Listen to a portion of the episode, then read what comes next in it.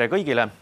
eetris on Delfi Euroopa erisaade, me salvestame seda seekord otse Strasbourgist, kus on käimas Europarlamendi äh, igakuine plenaaristung äh,. ja ega siin ei ole ka äh, pääsu sellest teemast, mis tegelikult äh, kogu maailma ja Euroopat eriti puudutab, ehk siis äh, Venemaa sõjast äh, Ukraina vastu. sel nädalal Europarlamendis samamoodi arutatakse äh, siis äh, Ukraina vastase sõja sotsiaalseid ja majanduslikke mõjusid nende laiemas mõistes.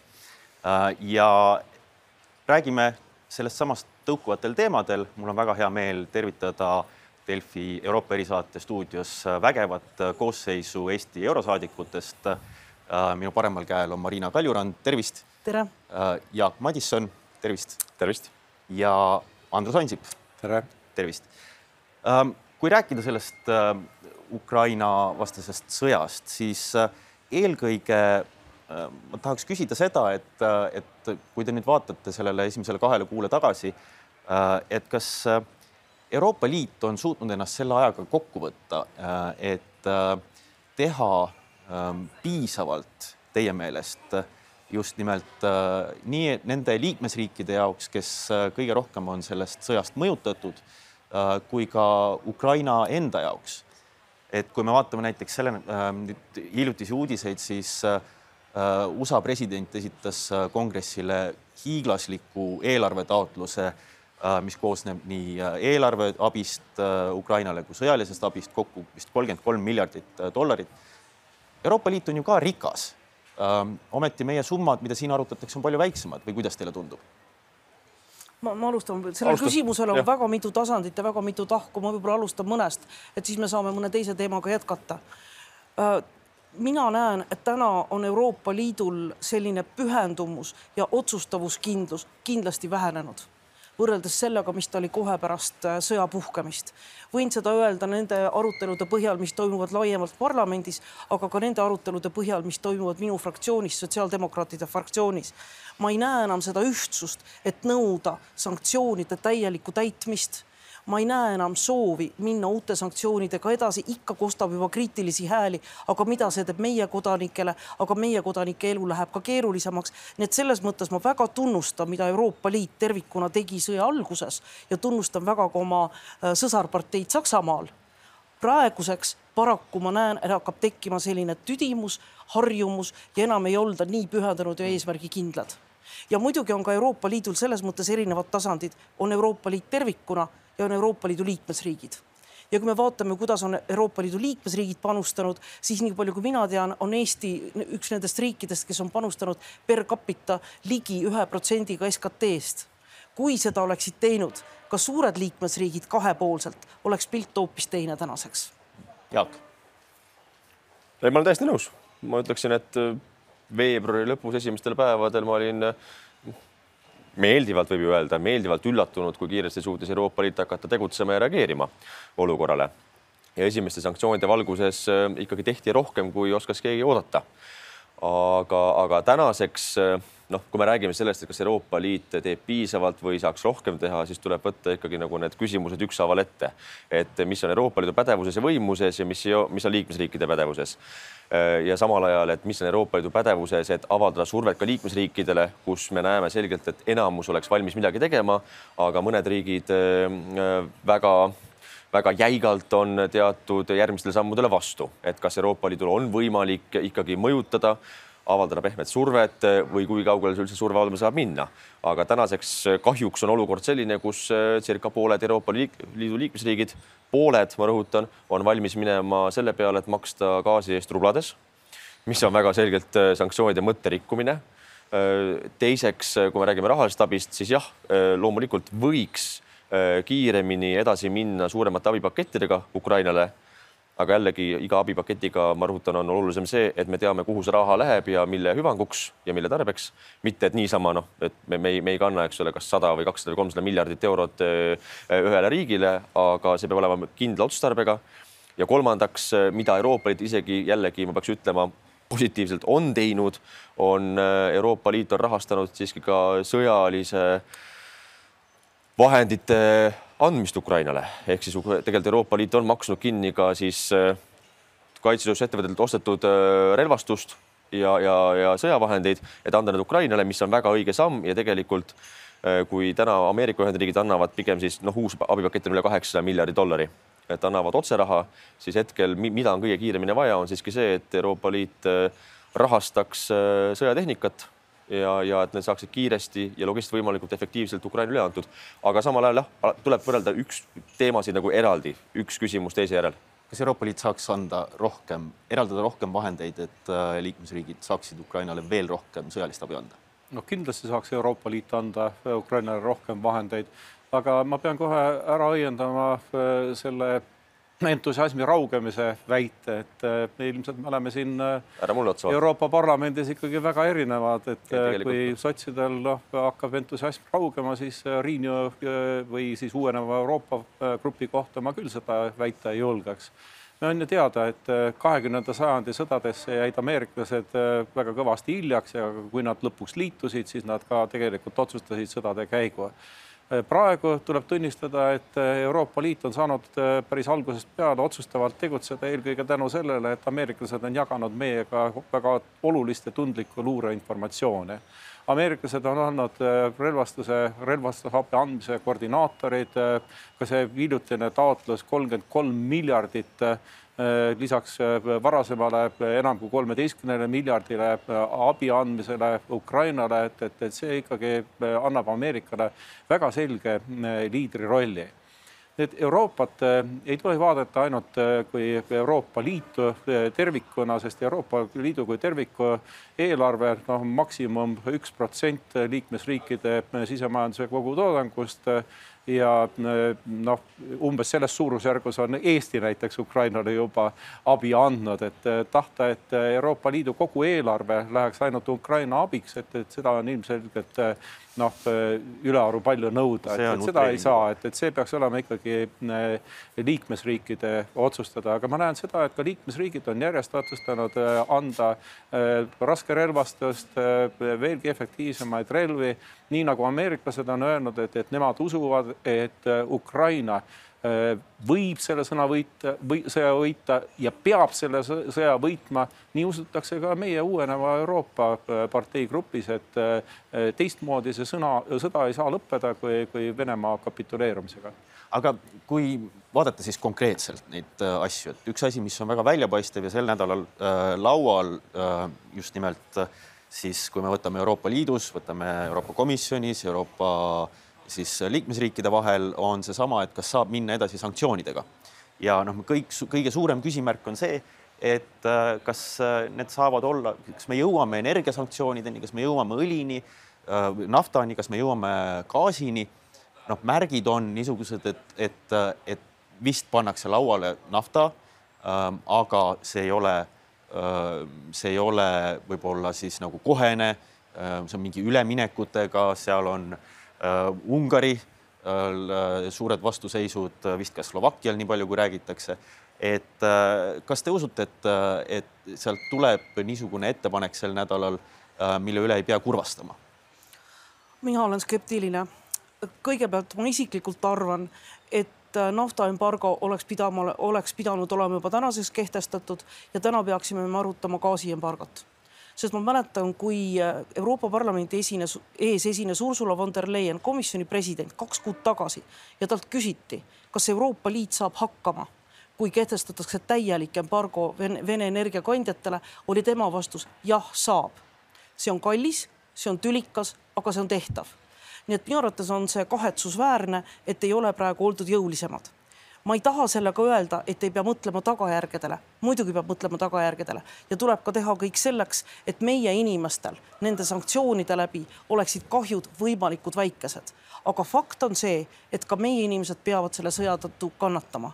Ja kui on ühele poole panna ebamugavused, kannatused, tõusvad hinnad, mida saab aidata valitsuse tasandil ja teiselt poolt igal pool surevad Ukrai-, iga päev surevad ukrainlased, siis minu jaoks need võrdlused ei ole lihtsalt ühesugused ja jah, tuleb edasi minna sanktsioonidega. aga nagu ma ütlesin, ma olen skeptiline, ma arvan, et täisembargo tuleb mingil hetkel aga selleks hetkeks peab veel surema Marina, ma tuhandeid ja tuhandeid sulle- ukrainlasi. ma tuleks, tuletaksin sulle siiski meelde, et, et siin Euroopa Parlamendis me oleme nõudnud nii embargot äh, Venemaa naftale kui ka Venemaa looduslikule gaasile, et äh, ma, ma ei arva, et, et meie oleme kuidagi olnud lojud ja, ja ei ole piisavalt äh, otsustavalt. jah, aga me oleme suutnud seda kõike ka selle täiendada sõnadega nii ruttu kui võimalik, esimesel võimalusel, aasta lõpuks, et me oleme jah, kõiki neid es esitanud, aga oleme jätnud alati ka viisaka taganemistee. aga kuidas, kui, kui see nüüd ka tuleb, siis, siis kas see tuleb ilma aukudeta, sellepärast et, et noh, me näeme näiteks isegi seda, et, et kui Eesti valitsus on väga kõva siis energiakandjate embargo ja nõudja tegelikult Euroopa Liidus ja selles mõttes sõnades väga tugev, siis me näeme, et kus on augud, siis isegi Eesti ärimehed kasutavad neid auke ja, ja teenindavad Vene tankereid meie sadamates. kas, kas niisugune embargo suudetakse teha, mis, mis ka reaalselt peab? jah, selline kahepalgelisus muidugi Eestile au ei tee, et ühelt poolt me nõuame siis Venemaa sõjamasina rahastamise lõpetamist ja, ja teisest küljest me näeme seda, kuidas Sillamaa sadamas või, või ka Paldiski sadamas tünnid täituvad ja naftaäri õitseb ehk siis märtsikuus võeti praktiliselt ikka kõik tünnid täis ja, ja nii palju, kui oli võimalik Vene naftat mahutada, nii palju seda sinna sisse võeti. Kui me räägime gaasist, siis me näeme seda, et, et tegelikult Euroopa Liidu liikmesriigid on väga oluliselt gaasitarbimist vähendanud. Venemaa impordi osatähtsus on, on viimasel ajal väga selgelt kukkunud ka ilma selleta, et, et oleks mingisugust ühtset boikotti kehtestatud. no mõtleme kasvõi Soome peale, kui Soome on suutnud selle aasta esimese kahe kuuga vähendada looduslikku gaasi tarbimist võrreldes möödunud aasta sama perioodiga isegi kuuekümne protsendi ulatuses, siis see on ikka väga, väga märkimisväärne samm. no mõtleme kodanikualgatustele, noh kuidas Hollandis blokeerisid sadamatöötajad Venemaa tankerite sisenemine, sisemise sadamatesse, et siis Shell, kui ta võttis alguses, sõja alguses kütust Venemaalt, et, et siis ta pidi vabandama hiljem ja lubama, et, et mitte kunagi ta seda enam ei tee. ehk siis need sanktsioonid, need ei ole mitte ainult kusagilt ülevalt alla kehtestatavad, vaid kodanikualgatuse korras on nad üksjagu palju juba Euroopas levinud. no võtame Eesti gaasitarbimisele, siis ka meie gaasitarbimine on aasta lõikes selle aasta kahe esimese kuuga pea kakskümmend protsenti kukkunud juba. Saksamaal oli viiskümmend viis protsenti, nüüd kolmkümmend viis protsenti ainult. Saksamaa, kes on kogu aeg rääkinud, et, et Vene gaasist loobumine on peaaegu võimatu, on suutnud oma gaasitarbimisest noh, oluliselt ära jätta ja, ja nii on see väga paljudes Euroopa riikides. ainult mõnes riigis, vist Ungaris on ta enam-vähem samal tasemel see tarbimine no,, kus no, oli hind... mis Hispaanias on tõusnud, ta oli ikka ligi kakskümmend protsenti tõusnud. Aga seal hind- on, on anomaaliad Euroopa riikidest, üksikud, kus on tõusnud märgatavalt. aga gaasi hind on ka vastavalt äh, kõrgem olnud, mis on, mis on toonud kaasa selle, et ja loomulikult, äh, kui meil oli kaks aastat Mhm. tagasi oli äh, gaasi hind kaksteist eurot megavatt-tunni eest äh, aprillis kaks tuhat kakskümmend, siis praeguseks on ta seal saja kahekümne kandis, vahel üheksakümmend, vahel sada kümme. aga põhimõtteliselt hinnatõus on olnud kümnekordne ja see on see, mis on pannud inimesed siis äh, otsustavalt tegutsema, ennast gaasitorude küljest lahti lõikama ja põhimõtteliselt juba praegune tarbimise vähendamine põhimõtteliselt peaks tekitama probleeme ka Venemaale, sest et naftapuurtornide sulgemine on tehniliselt võimalik ja no mitte küll tüsistusteta, aga siiski tehtav. gaasipuurtornide, gaasi tootmise lõpetamine või vähendamine üleöö kraani kinnikeeramisega ei ole võimalik noh, eks see on alati jah, see on, sõltubki, kas, kas seda gaasitarbimist annab vähendada tööstuses, ettevõtluses või kodu, kodumajapidamises, et noh, ikkagi jaanuaris-veebruaris, kui on õues ikkagi parajad pakased, ilmad on väljas, siis ega ma ei tõmba oma gaasikatelt välja ja lase väiksel lapsel, eks ole, külmetada toas, et ikkagi sa pead gaasi tarbima ja sa maksad, eks ole, mitu korda kõrgemat hinda kahjuks. et mina saan sellega hakkama, aga ma kardan, et väga palju Eesti inimesi ei saa sellega hakkama. aga, aga ma küsiks siit edasi, Jaak, et, et Marina ütles, et, et peaksime olema juba gaasi juures, gaasi, gaasi kinnikeeramise juures, noh äh, me oleme nüüd näinud sellesama äh, rublades maksmise küsimuse tõttu, et, et Gazprom teatas, et Poolale ja, ja Bulgaariale me enam gaasi ei anna. ükskõik, kuida, kuidapidi me lähme, noh, näha on, vähendatakse gaasitarbimist, nagu, nagu sa isegi ütled, et see, see tuleb see küsimus ühel või teisel viisil, seda tuleb hakata piirama, kui Euroopa ise ei piira, siis mingil hetkel paneb Gazprom selle kinni lihtsalt kuidas sa näed selles mõttes, et, et, et noh, siin on küsimus selles, et kuidas Euroopa Liit nagu saab ühtselt vaadata seda, et mm -hmm. tagada alternatiivid ja no meil on äh, Eesti volinik, kes peaks sellega tegelema. kas Eesti volinik saab hakkama sellega, et, et äh, äh siis äh, energi-, energeetikavolinik Kadri Simson, et, et äh, need alternatiivid oleksid ja et need ei läheks nii kalliks, et, et meil on äh, siiski võtab, võtab äh, pildituks järgmisel sügisel? no ega fakt on ju see, et tänane olukord ei ole tekkinud üleöö.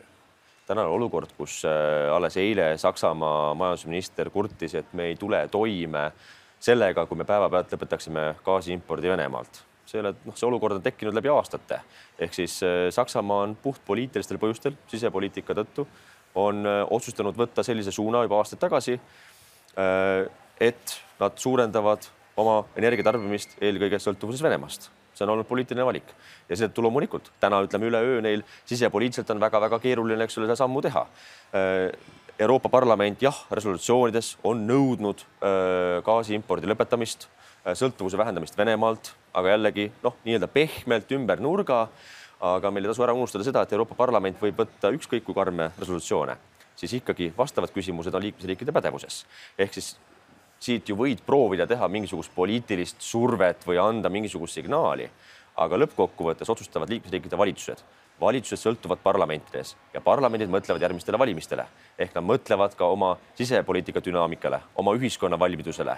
ja tänasel päeval minul ei ole väga seda tunnet, et Saksamaa avalikkus suurelt nõuaks gaasi impordi lõpetamist Venemaalt ja oleks nõus maksma kordades kõrgemat energia hinda läbi siis alternatiivide nii et äh, selles mõttes olukord ei ole väga ilus. Äh, ja, ja, ja lõppkokkuvõttes see ongi, et me võime siit, eks ole, teha poliitilist survet, aga see reaalpoliitik sakslaste jaoks on ikkagi kahjuks see, et loeb alguses majanduse raha ja siis hakatakse vaatama, et kuidas Ukrainat aidata ja kuidas Venemaad ikkagi sundida põlvili ja kapituleeruma. kuidagi, kuidagi mugav on seda Saksamaad kogu aeg äh, kritiseerida, aga, aga seesama loodusliku gaasi importi, Venemaa impordi osatähtsuse vähendamine viiekümnelt viielt protsendilt kolmekümne viie protsendi peale, see on omaette samm juba või siis nafta import Venemaalt oli kolmkümmend viis protsenti, on kaksteist protsenti väga märkimisväärne vähenemine. Äh, mälu järgi äh, kivisöe osatähtsus, äh, Venemaa kivisöe osatähtsus Saksamaal oli nelikümmend viis protsenti ja see on vähenenud kaheksale protsendile praeguseks. ehk siis ilma igasuguste sanktsioonideta, ka mm, arvestades seda, mida üldsus räägib kogu aeg, et, et Saksamaa ei tee mitte midagi, Saksamaal on toimunud ikkagi väga järsk energiasõltuvuse vähendamine Venemaalt ma lihtsalt täiendaksin, et oleme ka meie oma fraktsioonis koos sakslastega arutanud. Ja nad toovad ka välja selle, et on väga erinevaid uuringuid. Mõju kohta, hindade kohta, mis saab Saksa majandusest mm, -hmm. kui lõpetada päevapealt gaasi tarnib, gaasi öö, ostmine ja selles, selles kontekstis noh, igaüks kasutab ju seda raportit või neid numbreid, mis on talle kasulikud. ja selles mõttes muidugi tahaksin mina rohkem kuulda volinik Simsonilt.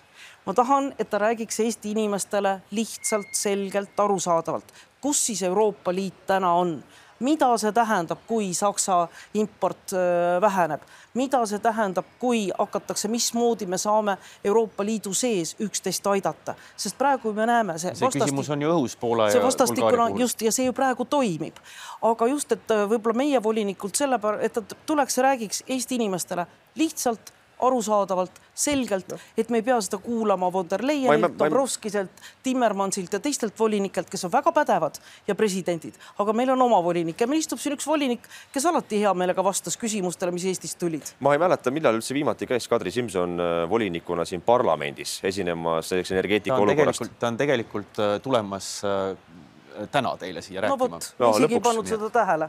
aga, aga ma, ma küsin siit edasi äh, Andruse käest natukene, natukene keeruliselt, et. esimest korda kuulen ähm,. kui me räägime sellest, et, et see gaasi ei noh, et, et, et me ei saa seda niimoodi ühe hobiga ära lõpetada ja ma ei tea, Saksamaa jaoks on seal mingisugused probleemid äh,, siis noh, on lauale pandud terve rida mõtteid, et äh, hästi, et, et no meil läheb natukene aega aga teeme siis mingisuguseid lahendusi vahepeal, et noh, isegi Eesti peaminister äh, äh, Kaja Kallas käis välja, et, et teeme niisuguse fondi, et korjame osa sellest rahast, mis me maksame sinna Venemaale, korjame ära, paneme tallele, et Ukrainat aidata. siin on olnud, Poola on vist välja käinud, et võiksid olla mingid vautšerid ka või, või noh, mingi süsteem, ühesõnaga, et me ei kanna seda raha lihtsalt nagu äh, Kremlile sõjapidamiseks, aga et et võtame sealt siis vahelt ära, niikaua kui me peame seda gaasi veel ostma. miks need ideed ei lenda, miks, miks seda ei tehta? No see konkreetne idee ilmselt ei lenda paljude jaoks pelgalt sellepärast, et seda peetakse vähe ambitsioonikaks. nagu juba öeldud, me Euroopa Parlamendis oleme selgelt nõudnud seda, et igasugune nafta, kivisöe ja gaasi import Venemaalt lõpeks ja nüüd tullakse siis ettepanekuga, et võib jätkata küll, aga, aga paneme raha kuhugi fondi kõrvale. põhimõtteliselt sellel ideel ju tegelikult on jumet, sest et mitmetes riikides ei ole see päevapealne noh, varustuse läbilõikamine Venemaalt äh, ei ole tehniliselt teostatav. nafta rafineerimistehased on üles ehitatud mingisugusele kindlale toornafta tüübile ja seda äh, üleöö asendada mingisuguse teise äh, riigi naftaga on suhteliselt äh, raske ja tülikas, sest et äh, kui sul on aromaatseid ühendeid naftas, siis äh, see eeldab teatud tehase plokke, kui sul neid ei ole, siis sa saad ilma nendeta hakkama ja, ja, ja kui sa tahad nüüd kerget naftat kusagilt Liibüast ja, ja paned selle sinna, kus on harjutatud mingisuguse raskema toornaftaga hakkama saama, siis, siis see tehas seisab pool jõude, aga tema ümberhäälestamine, see on ikkagi tohutu töö. ehk siis Äh, seda ettepanekut paljud radikaalsemad peavad äh, vähe ambitsioonikaks. kuidas nii, me tahame täielikult sõltuvuse lõpendada ja teie nüüd ütlete, et, et võiks ikkagi noh, osta küll edasi, aga, aga maksame siis kusagile midagi. et põhimõtteliselt selline näide on ju olemas äh, Iraani puhul nafta toiduainete eest, nafta ravimite eest, et, et põhimõtteliselt see skeem on ajaloos töötanud ja, ja ta võiks olla rakendatav küll. ma ise kaldun ka nende hulka, kes on radikaalsemad ja kes arvavad, et, et täielikult tuleks see side läbi lõigata, ära katkestada. Teie meelest ka on see liiga, liiga, oleks liiga pehme lahendus? no on erinevad tasandid, erinevad formaadid jah, ka mina oma praktikas võin öelda, et Euroopa Parlament on palju, äh, nõuab palju enam, kui liikmesriigid on reeglina äh, võimelised tegema ja kaasa tulema ja toetama. nii et selles mõttes Kaja Kallase ettepanek on jah, pool sammu meie Euroopa Parlamendi ettepaneku suunas noh, Euroopa Parlamendil pole mõtet seda tõesti arutada, sest me oleme radikaalsemad, me nõuame rohkem. aga miks ei ole see ettepanek lennanud, ilmselt on teiste valitsusjuhtide, riigijuhtide vastuseis, just nende vastuseis, kes arvavad, et ka see poolik lahendus on halb ja tuleb jätkata vanaviisi nii kaua, kui see vähegi võimalik on. ehk ma arvan, Euroopa Parlament ei ole koht, kus seda arutada, vaid seda tulebki arutada valitsuse no, ja riigijuhtide tasandil. mõnes riigis argust, kus arvatakse, et, et kui hakatakse niisugust äh, rahastamisskeemi välja pakkuma, et, et siis keeratakse kraan hoopis kinni ja jäävad päevapealt kõigest ilma. et mingil määral allutakse ka šantaažile, et, et läbi öelda, aga, aga mulle tundub, et see mõne riigi puhul nii on ja ma just vaatasin praegu täitsa huvi pärast, mul üks hea tabel oli ees, kus oli hea võrdlus äh, äh, nüüd äh, esimesed kaks kuud peale sõja algust ja võrreldes möödunud aasta siis summadega, mida me oleme maksnud Venemaale, siis ma arvan, et tunduvalt suurem abi oleks tegelikult lõppkokkuvõttes sellest, kui me ei maksaks seda nii-öelda turuhinda, sest tänasel päeval maksab Saksamaa kolm korda kõrgemat hinda võrreldes aasta taguse hinnaga. ehk siis me ei sakslased ise vabatahtlikult on nõus maksma kolm korda kõrgemat hinda venelastele gaasi eest, millega nad finantseerivad siis venelaste sõjapidamist ja samal ajal ütlevad, aga see on turuhind. et no kuulge, see nüüd ei ole turuhind. Äh, kui, kui me nõustume selle hinnaga, mida venelased meile ütlevad, sest äh, fakt on see, et kui ei oleks Euroopa turgu venelastele poleks ka seda gaasi kuskile müüa, sellises mahus kindlasti mitte ja mitte sellise hinnaga. ehk odavamalt sa võid müüa hiinlastele, sa võid müüa ka türklastele, aga sakslastele sa ei müü. aga sakslased on nõus sellega. esimese kahe kuu jooksul peale sõja puhkemist kaks kõige suuremat äh, ostjat Saksamaa, Itaalia konkurentsitult. kolmas Türgi, neljas Holland. et äh, noh, loomulikult see on ju poliitiline valik, et kas päevad lõpetada või mitte.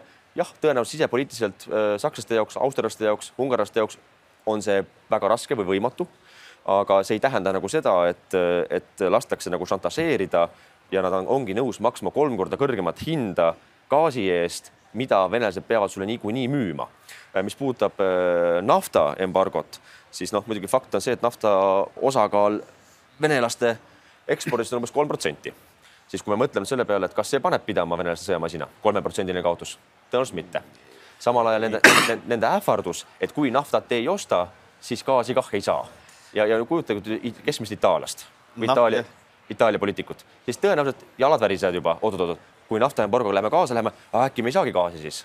nii et noh, kahjuks on nagu fakt see, et meie siin nagu eestlastena või ka Eestis, me saame nagu tunduvalt paremini aru, et me oleme nõus maksma kõrgemat hinda selle eest, et okupant maha suruda. Lõuna-Euroopas, Lääne-Euroopas mm, kahjuks nagu väga mitte. kuulge, võib, ma kiidan Kadri Simsonit, et muidu jääb kõlama see, et eh, ei kuule, ei näe, ei räägi Eesti inimesega. oot-oot-oot-oot-oot, seda pole keegi öelnud, ei kuule, ei näe, ütled sina, Andrus. jah, mina kuulen ja mina näen, et eh, ma tahan Kadri Simsonit kiita selle eest, et eh, et ta, tema juhtimisel on õnnestunud Ukraina elektrivõrgud ühendada Euroopa elektrivõrkudega ja sageduse sünkroniseerimine käib nüüd Euroopa Liiduga, mitte enam Venemaa pinnalt ja see on väga suur ettevõtmine, mis tehti väga kiiresti sõja esimesel nädalal ära. teiseks ma tahaks Kadri Simsonit tunnustada ka selle eest, et väga kiiresti on hakanud ta otsima siis eh, torugaasile asendust eh, ja seda asendust noh, väga paljudest kohtadest otsida ei ole vaja, sest et eh, põhiliselt tuleb ta Ameerika Ühendriikidest, tuleb Katarist ja Austraaliast ja, ja Austraaliast, aga no Austraalia nat, jääb natukene kaugeks, aga, aga nii mõlemas Ameerika Ühendriikides kui ka Kataris on Kadri Simson olnud aktiivne. ega me muidugi peame eh, tunnistama, et, et ega LNG tootmise eh, võimalused praegu on praktiliselt ammendunud ja, ja üleöö neid oluliselt suurendada ei ole võimalik, saab võimalik, võimalik olla ainult turu ümberjaotamine ehk siis vähem Aasiasse mm, -hmm. rohkem Euroopasse. noh, õige pisut on ka võimalik suurendada, aga nendes oludes ma arvan, et, et Kadri Simson on eh, teinud üksjagu head ma tahtsin, ma tahtsin viimase asjana kiirelt veel, veel kõigilt kolmelt küsida selle kohta, et et äh, no me räägime sellest asendamisest, äh, sanktsioonidest, äh, olgu see siis samm-sammuline vähendamine, energiasõltuvus, Euroopa energiasõltuvus Saksamaast või, või vabandust, Venemaast. või siis, või siis mingil hetkel, kui tuleb mingisugune järsk, järsk ära ähm, siis peatamine. Ähm, kui te vaatate sügisesse ja, ja vaatate energiahindu, siis juba eelmine sügis tegelikult äh, ja talv nüüd, see talv, inimesed said äh, pihta. Eestis oli see väga suur mure, see oli üle Euroopa tegelikult väga suur mure. Ähm, kas te näete seda, et, äh, et see, et me oleme ikkagi silmitsi ähm, väga kõrgete elektri, energiahindadega sel sügisel ja et sellest saab väga suur teema nii Euroopa Liidu tasandil kui ka äh, siseriiklikult kõikides, ka Eestis riikides äh,, millega tuleb aktiivselt tegutseda. kas te näete seda, et see, see on see on tulemas, peavad inimesed sellega arvestama? loomulikult, suvi on alati päike, on ilus, on kerge ja siis tuleb november. kõrged energiahinnad tähendavad, et hinnad tõusevad igal pool, toiduained, üürihinnad, rendihinnad, kõik hinnad tõusevad.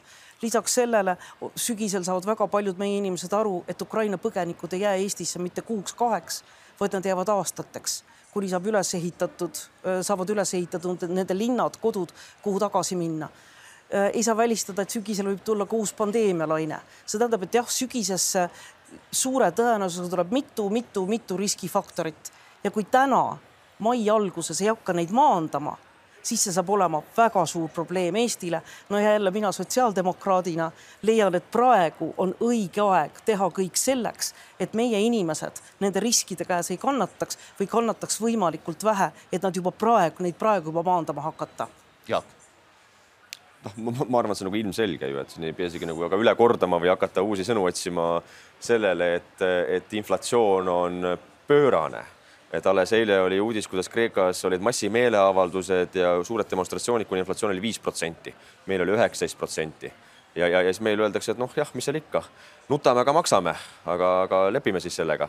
ma ma, see, see, see nagu, nagu täiesti nagu ilmselge loogika et ei ole ühtegi põhjust arvata, et detsember, jaanuar saavad olema kergemad kui möödunud talvel. ei saa olema kergemad, aga samal ajal loomulikult siis äh, Eestis äh, peaminister ütleb, et äh, pole midagi teha, vabaturumajandus, mis siis, et riigiettevõte saab suuremal määral aktsiisi ja käibemaksu riigi kukrusse maksta kenasti, aga riik midagi teha ei saa ja soovitus on see, et soojustage maju. nii et ma arvan, et praegu maikuu on nagu viimane hetk mõelda selle peale, et kuidas me elame üle järgmise talve niiviisi et keskmine Eesti inimene ei peaks sellepärast maksma tuhat eurot elektriarvet, kuna ta julgeb elada isiklikus eramajas. nii et see on nagu viimane aeg täna mõelda, nii et ma olen nõus täiesti Marinaga. Andrus, näed sa, et, et selleks valmistatakse ette?